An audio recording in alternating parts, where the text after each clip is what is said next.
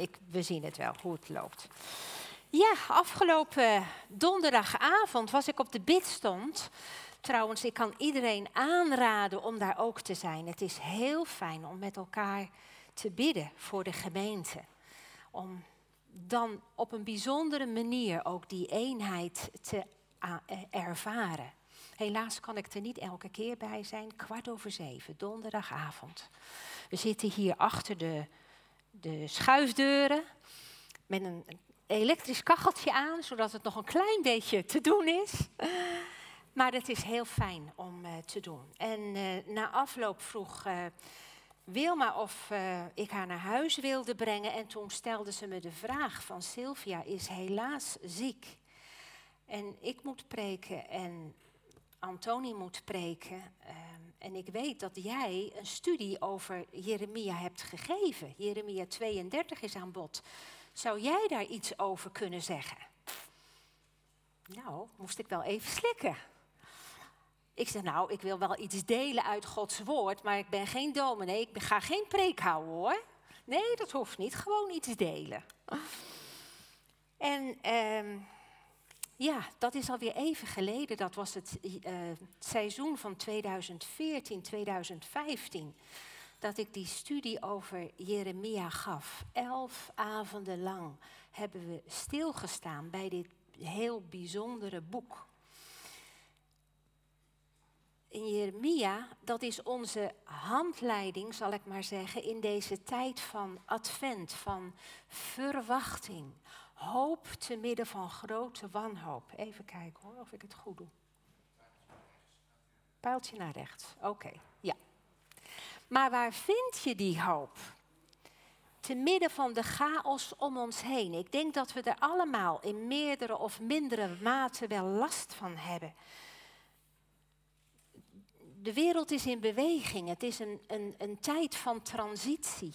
Wereldwijd. Er gebeurt van alles. Maar ook te midden van de moeilijkheden van ons eigen leven. Ik heb vanmorgen al even genoemd. Jaberia, Rina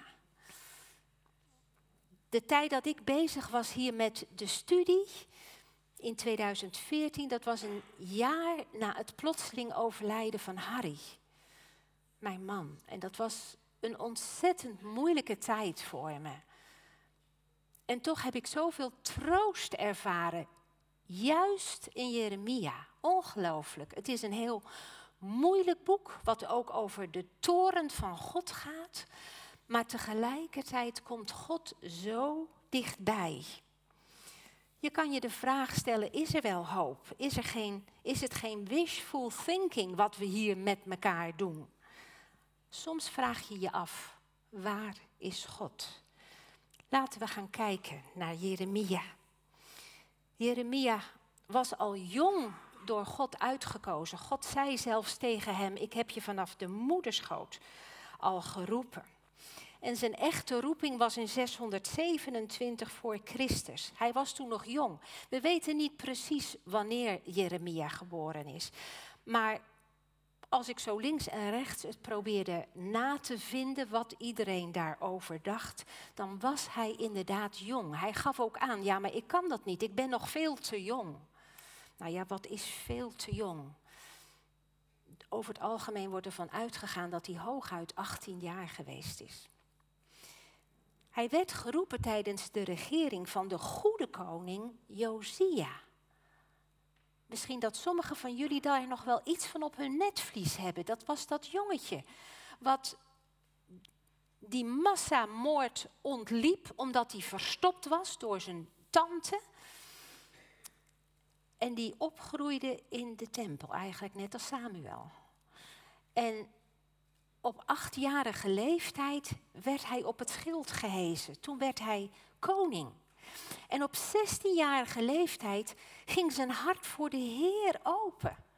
En hier, als hij 21 jaar oud is, een jaar voordat Jeremia geroepen wordt, begint hij met zijn hervormingen. Dan worden de altaren voor de afgoden worden afgebroken. De afgodsbeelden laat hij verdwijnen. Mensen trekken heel Israël door, heel Juda moet ik zeggen, maar ook Israël inderdaad. Het Noordrijk was toen al weggevoerd in ballingschap. Al bijna 600 jaar lang luistert het volk niet naar God. En we hebben net in het spel van uh, de twee dames gezien van hoe moeilijk ook al de start van dat volk Israël was. En dat is niet heel erg veranderd. Het volk Israël is een hardnekkig volk gebleven. Wat met moeite elke keer weer toch even de Heer diende. En zodra dan een richter of een koning weer weg was, dan ging het weer verkeerd. Al bijna 600 jaar lang. Terwijl God zo duidelijk tegen Mozes gezegd had: Ik sluit een verbond met het volk. En jullie krijgen dat prachtige land van mij. Het is mijn land, maar jullie mogen erin wonen. Maar alleen als je naar mij luistert. Anders zal het land jullie uitspugen. Al 600 jaar lang heeft God dat niet laten gebeuren. Elke keer weer had hij toch medelijden met het volk en zocht hij naar manieren om met ze verder te gaan. En nu heeft hij die twee jonge mensen uitgekozen. En aanvankelijk lijkt het echt de goede kant uit te gaan. Maar als Josia vrij plotseling overlijdt tijdens een veldslag, dan zakt het als een kaartenhuis weer in. Nee, er is niet echt van binnenuit iets veranderd. Jeremia is heel lang profeet geweest. Vanaf dus die tijd van Josia, waar ik het net over had, tot in het elfde jaar van koning Zedekia. En Zedekia is ook een van de zonen van Josia. En dat was het laatste, de laatste koning. In het jaar 587 ging uiteindelijk ook Juda in ballingschap. 40 jaar heeft hij het volk opgeroepen om zich te keren tot God. En op een gegeven ogenblik zei God, Jeremia, je mag niet meer bidden voor het volk. Mijn besluit staat nu vast. De ballingschap zal komen. Ze zullen weggevoerd worden. En vanaf dat moment roept uh, uh, Jeremia op om zich over te geven aan, uh, aan Nebukadnezar. Die eerste hoofdstukken die, die uh, Antoni zei vorige week, die kan je beter overslaan, want het is allemaal kommer en kwel. En dat is zo. Het zijn moeilijke hoofdstukken. En tegelijkertijd klinkt daarin zo Gods hart in mee. Het is ook in poëzie geschreven. Poëzie is de taal van het hart. En ik heb een klein stukje, nou heb ik dat niet, ik kan het hier vandaan niet zo goed lezen. En ik heb het niet hier op de sheet staan, dus ik pak even mijn Bijbel erbij. Jeremia 2. Ga maar eens kijken bij de andere volken. Ik heb een klein stukje gepakt om iets te proeven van, van Gods verbijstering eigenlijk. Ga maar eens kijken bij de andere volken in het westen en in het oosten. Kijk daar eens goed om je heen. Doen die volken hun goden weg? Nee. En dat zijn nog niet eens echte goden. Maar jullie hebben mij aan de kant gezet. Je eigen God. Jullie hebben gekozen voor machteloze goden. De Heer zegt, laat de hemel stil zijn van schrik en beven van angst. Want mijn volk heeft twee grote fouten gemaakt. Ten eerste hebben ze mij aan de kant gezet. En ten tweede zijn ze machteloze goden gaan vereren. Mijn volk lijkt op iemand die zegt: Ik wil geen fris water uit de bron. Ik drink liever vies water uit een kapotte waterbak. Zoveel pijn heeft God. Hij wil zo alles geven voor zijn volk. En ze kiezen een vuil water uit een kapotte waterbak.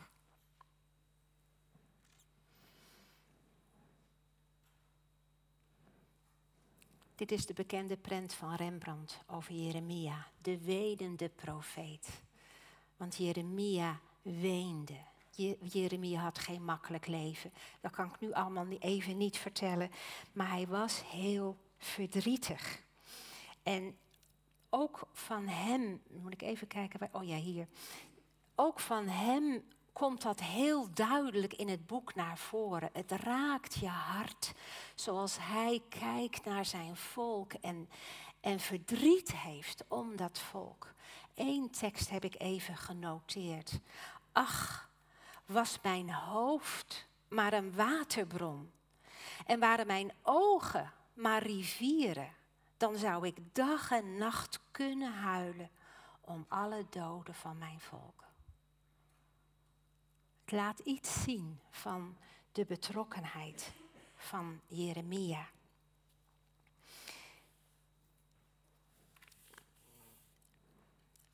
We zijn in het jaar 587 voor Christus. Dat is het stuk. Ik ga nu zo naar uh, Jeremia 32, want dat was de bedoeling dat ik daar iets over zei.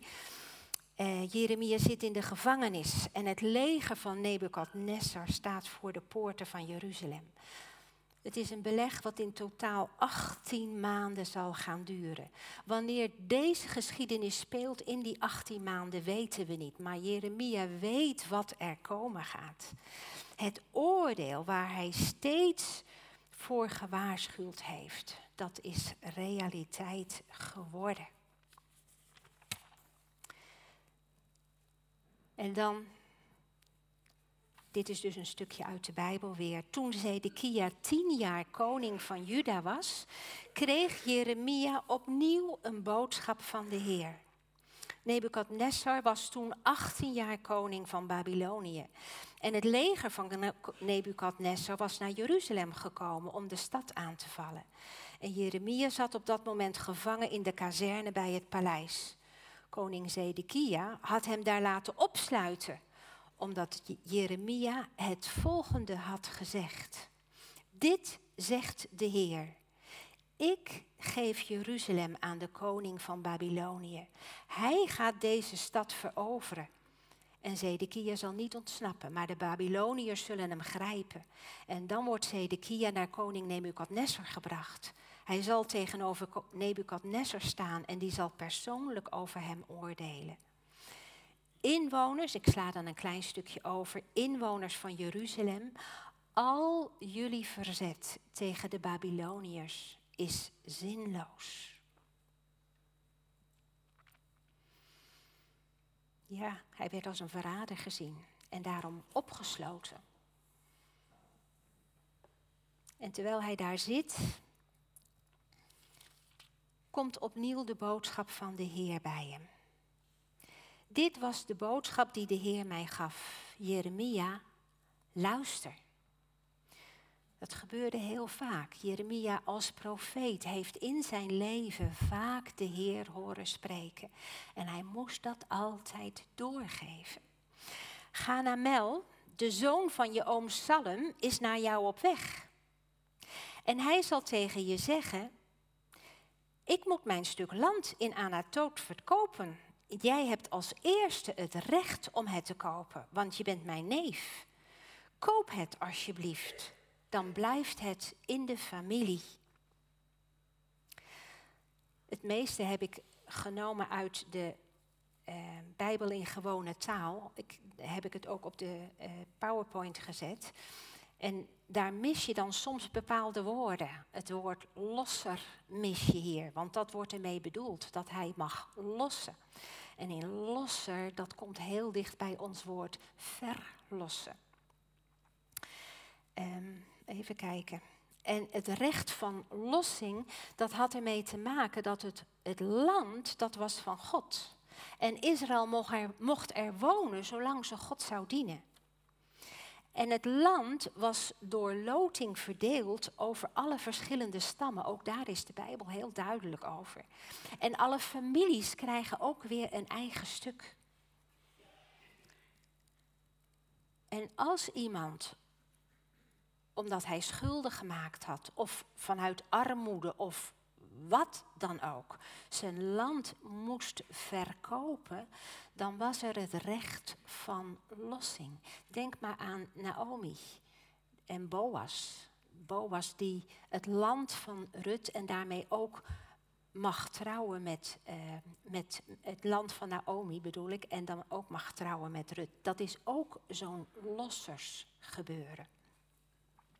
De grond moest in de familie blijven. Dan gaan we verder met het verhaal. Daarna kwam mijn neef Ganamel bij me in de kazerne waar ik gevangen zat.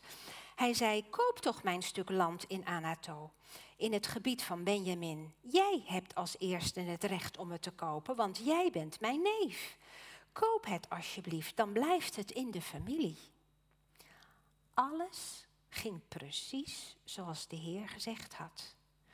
Toen begreep ik dat het een opdracht van de Heer was. Als profeet moest hij soms woorden spreken en soms moest hij bepaalde dingen doen. En hij begrijpt dus dat God dit van hem vraagt. Ik kocht dat stuk land van mijn neef uit Anato. Ik regelde het officieel.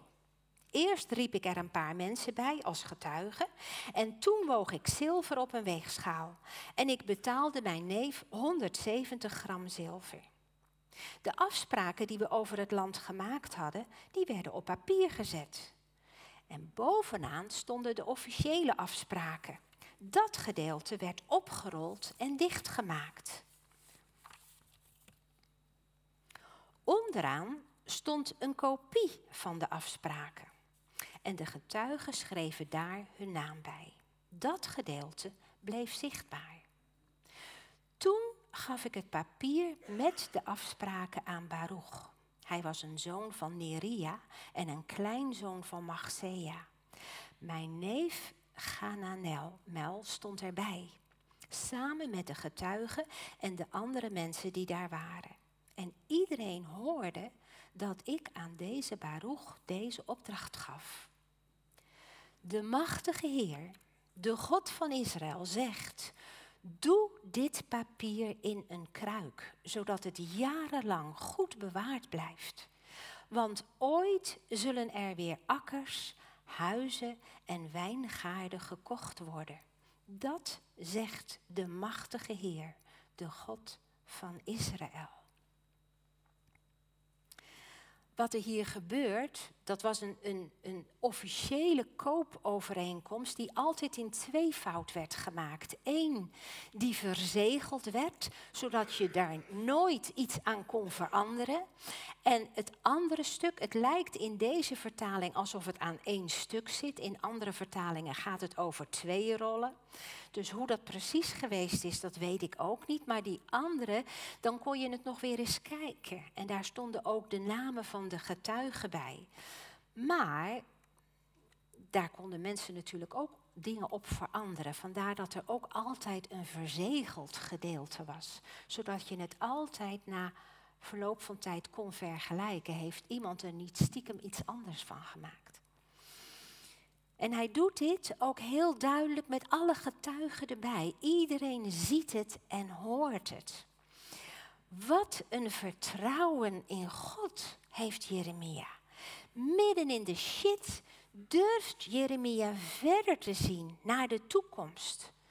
Antoni noemde het vorige keer al. God breekt af, maar dat is nooit zijn doel. Het is een weg naar het opbouwen. Soms moet er eerst wat afgebroken worden voordat je kan opbouwen. Daarom is deze daad in het openbaar een profetisch teken. God spreekt niet alleen het gehoor aan, maar laat ook dingen zien. En Jeremia heeft verschillende dingen moeten doen. En dan volgt er een gebed. Iets wat je eigenlijk niet zo verwachten zou. Jeremia weer alleen in de gevangenis. Ik stel me zo voor, hè, ze hebben daar, nou ja, die mensen zijn erbij gekomen. Hoe dat dan precies ging, weet ik niet. Of hij dan iemand had die voor hem andere mensen naar hem toe haalde. Want hij mocht de gevangenis niet uit natuurlijk. En op een gegeven ogenblik is iedereen weg. Hij zit weer alleen in de gevangenis. En dan gaat hij toch twijfelen. Heeft hij God wel goed begrepen? Is dit echt wat God bedoeld heeft? Heeft God werkelijk wel alles in handen? Is er echt wel een toekomst? En ik denk dat we ons dat allemaal kunnen voorstellen. Dat je in zo'n situatie bent, dat je gaat twijfelen, dat je het eigenlijk niet meer zo zeker weet. En wat bijzonder dat we dat ook bij zo'n groot profeet als Jeremia zien. Dat dat gewoon eerlijk ook in de Bijbel verteld wordt.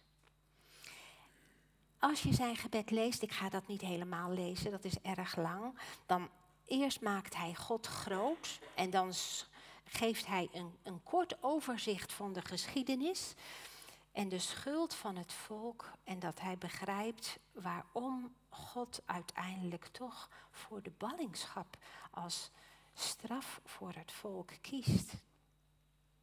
Maar dan, dan zegt hij, dan ga ik weer een stukje.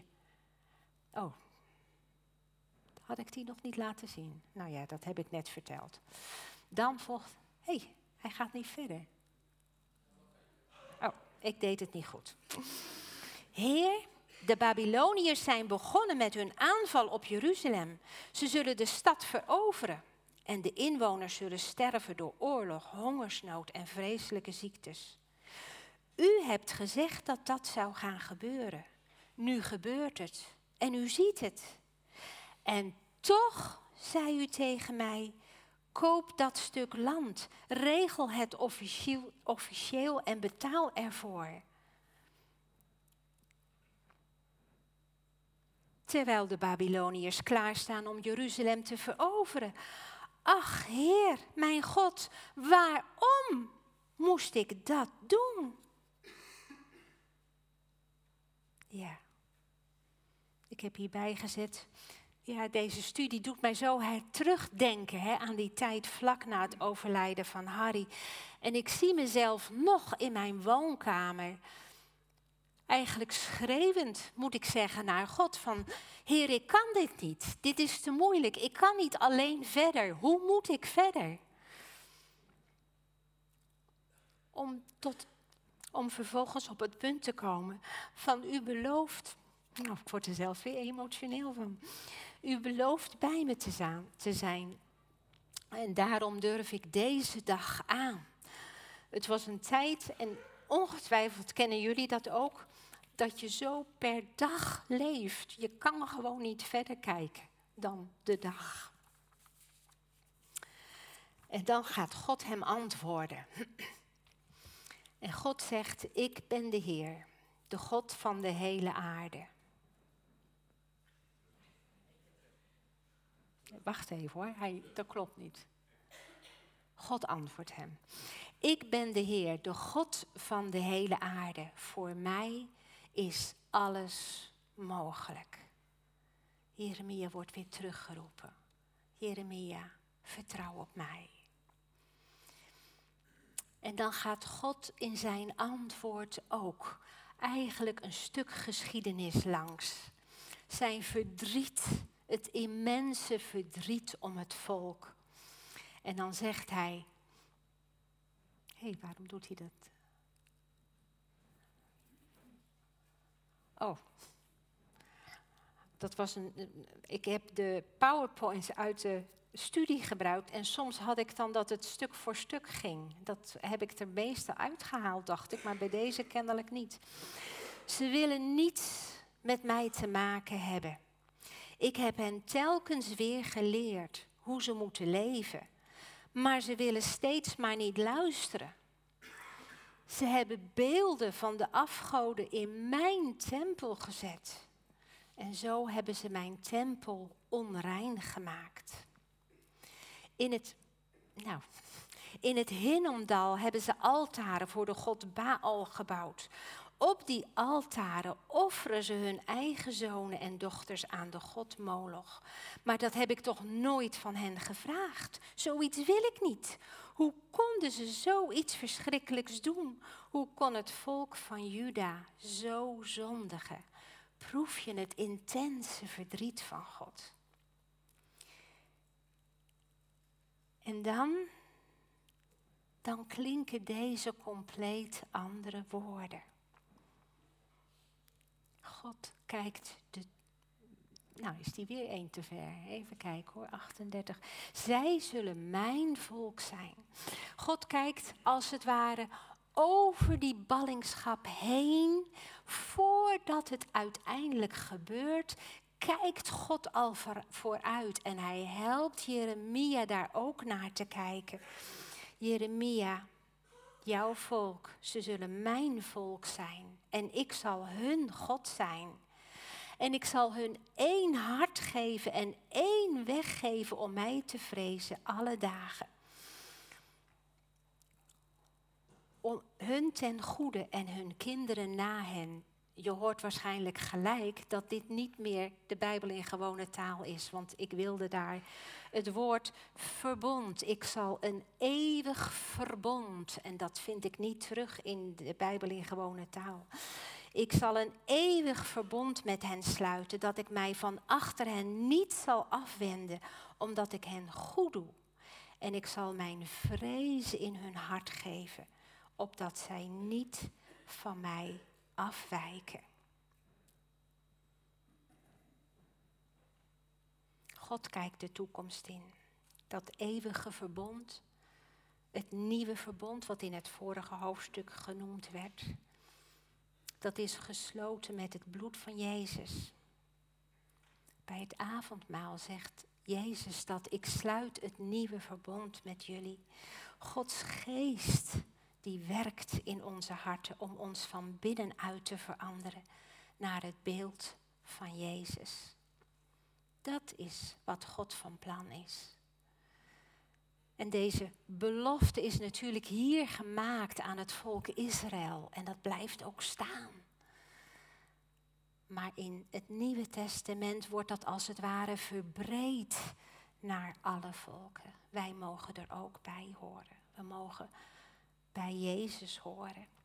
En wat God daar zei van hem vrezen, Antoni heeft dat vorige week nou best wel goed aangegeven, nadrukkelijk ook aangegeven. Het, het grote verschil tussen dat oude verbond en het nieuwe verbond, dat is dat het nieuwe verbond een eeuwig verbond is. Ik, ik, ga niet alles uitleggen, ik, dat was ik eigenlijk ook nog van plan, maar dat wordt te lang om iets over die verbonden te zeggen.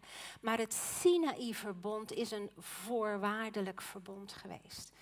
En het nieuwe verbond in Jezus is een eeuwig verbond. We mogen weten dat wat er ook gebeurt, dat we altijd vergeving ontvangen bij onze God. Dat is het grootste verschil wat we gezien hebben, dat God het volk moet oordelen vanwege hun zonde. Dat geldt voor ons niet meer. Wij hebben de vergeving in Jezus. Betekent dit dan dat het niet uitmaakt hoe wij leven? Kunnen wij dan wel gewoon onze eigen gang gaan? Of om met Paulus te spreken, zullen wij dan des te meer zondigen opdat de genade toeneemt?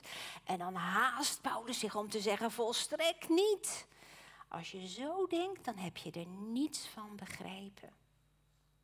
God, er is niet een God van het Oude Testament en een God van het Nieuwe Testament. God is dezelfde. En wat op mij zo'n immense indruk maakt als ik zie het verdriet wat God heeft om de zonde van het volk. En dat ik weet dat mij alles vergeven is, dan, dan realiseer ik me zo wat Jezus voor ons gedaan heeft. dat Hij werkelijk de straf op alles gedragen heeft. En het grote verschil is dat in ons hart de Heilige Geest werkt. En God wil zijn Torah in ons hart schrijven. En de Torah is niets anders dan het karakter van Jezus, het karakter van Hemzelf. En daarvoor kan God alles, alles in ons leven gebruiken. Wat in ons leven gebeurt, gebruiken. We moeten dus niet de fout maken dat als er moeilijkheden zijn, dat we vanuit Jeremia zeggen, oh dat is de straf van God. Zo werkt het niet voor ons. Maar er gebeuren dingen in ons leven. Maar net als Jeremia mogen wij weten dat God erbij is. Net als Jeremia mogen wij weten, het loopt God niet uit de hand. Hij weet ervan. En met Jeremia mogen we weten, alleen redt hij het niet. Alleen redden wij het niet. Maar samen met God redden we het wel. Dat is de hoop die we mogen hebben. Amen.